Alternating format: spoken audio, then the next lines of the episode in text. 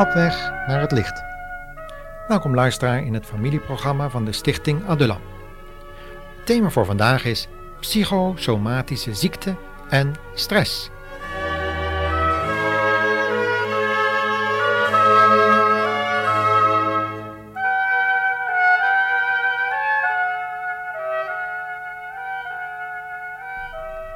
Ze was altijd al het mikpunt van spot geweest, vooral voor de buren.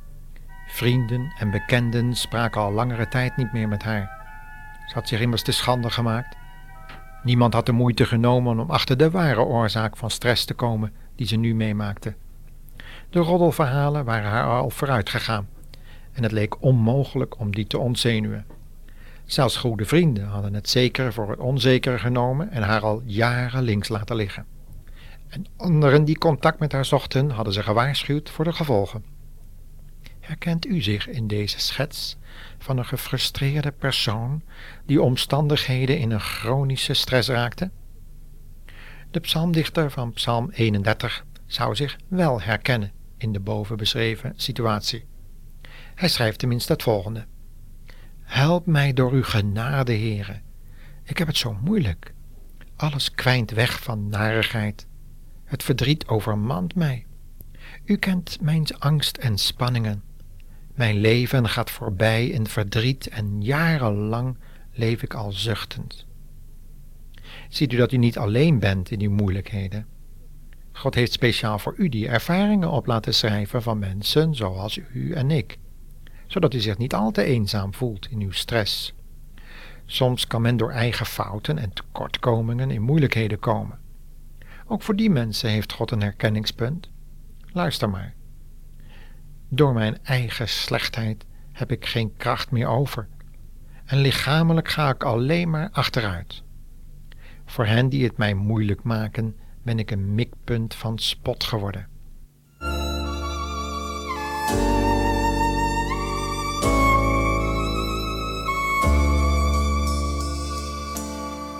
Vrees niet, mijn kind, want ik heb jou bij je naam geroepen. Je bent van mij.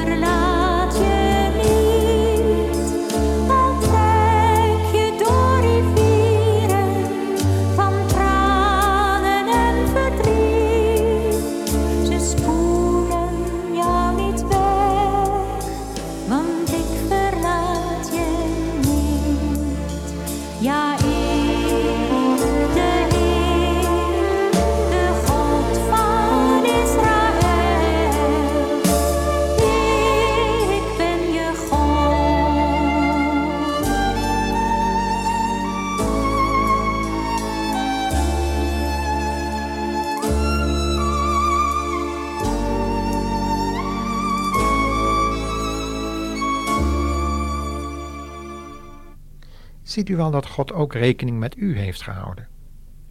We noemden dit programma psychosomatische ziekte en stress, om aan te tonen dat er een relatie gelegd kan worden tussen de toestand van onze ziel en die van ons lichaam.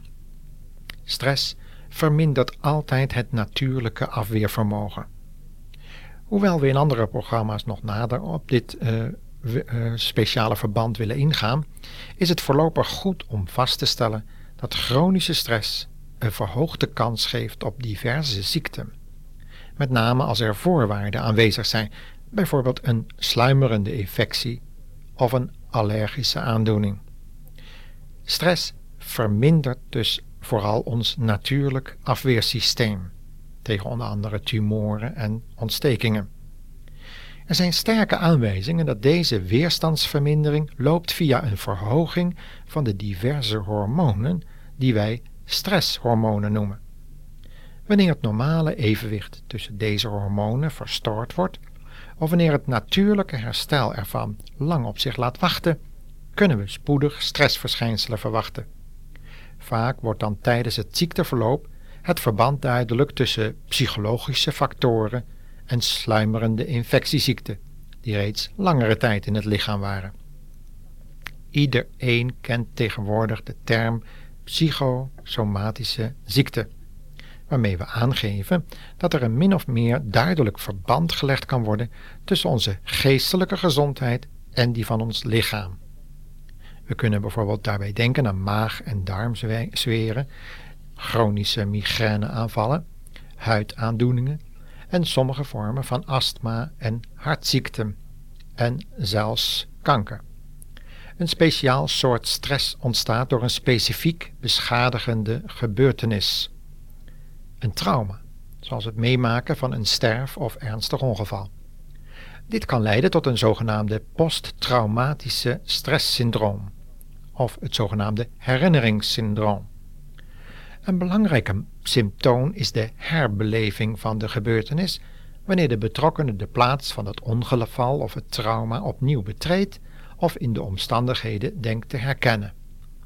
Ook kan er ontkenning optreden, wat zich dan weer vertaalt in de vermindering van de belangstelling voor belangrijke activiteiten. De persoon met een groeiende stress vervreemdt zich dan van anderen.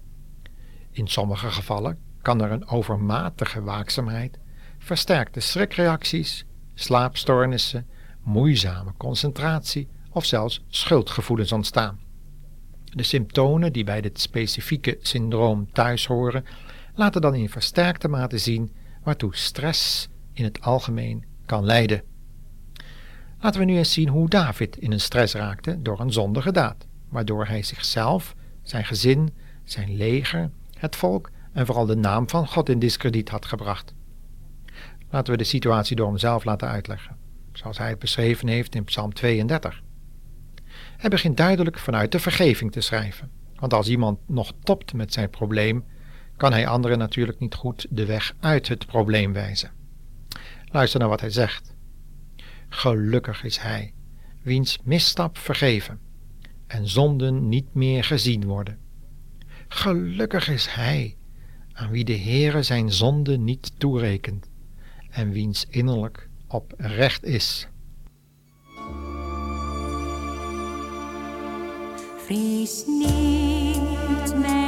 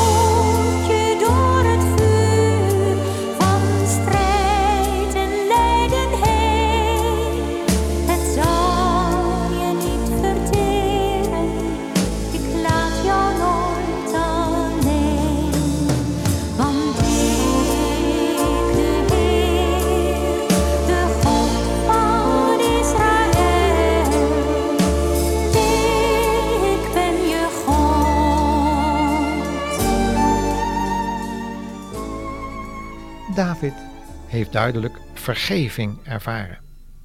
En hij prijst iedereen gelukkig die afgerekend heeft met verkeerde dingen in zijn of haar leven, of nog beter, heeft kunnen voorkomen dat ze in daden werden omgezet.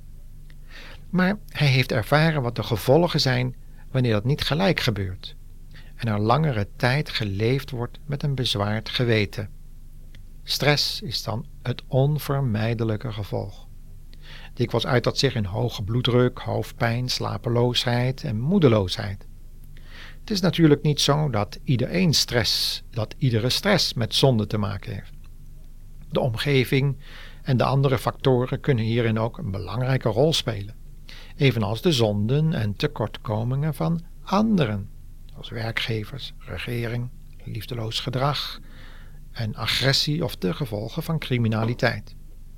Al deze zaken kunnen christenen echter bij de Heer Jezus brengen, zoals David dat deed. Uitstel hiervan echter brengt weer nieuwe problemen met zich mee. Luister maar. David zegt: Zolang ik zweeg en mijn zonden niet beleed, kwijnde ik weg. Ik was de hele dag tot tranen toe bewogen. Dag en nacht voelde ik hoe u, hij bedoelt daarmee God, tot mijn geweten sprak. Ik schrompelde in elkaar als bij grote hitte. Toen heb ik al mijn zonden beleden en niets voor u verborgen gehouden. Ik zei, ik zal de Heere alles opbiechten. En toen hebt u mijn schuld vergeven.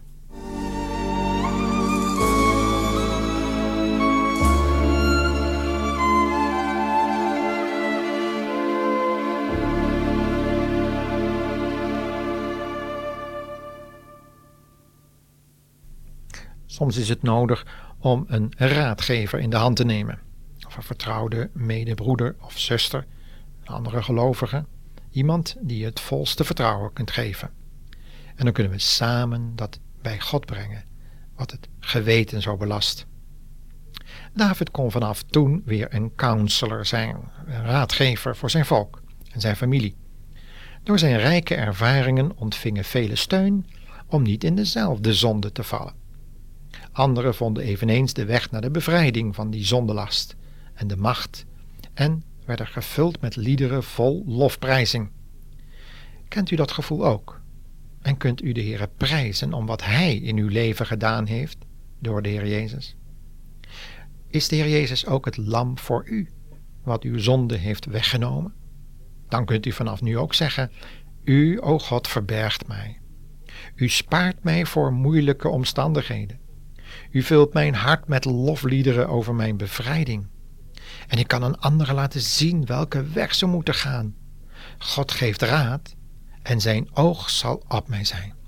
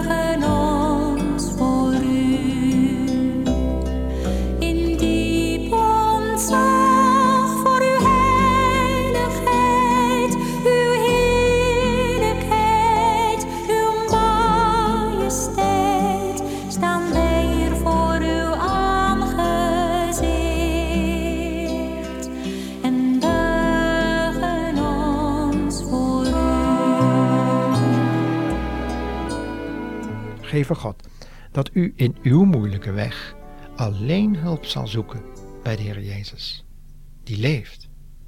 Hij heeft u laten zien dat u niet alleen bent in uw nood, ook vanavond, maar dat anderen ook een uitweg hebben gevonden door geloof in Gods liefde en vergeving. God zegen en nabijheid toegewenst. Tot de volgende uitzending over dezelfde zender.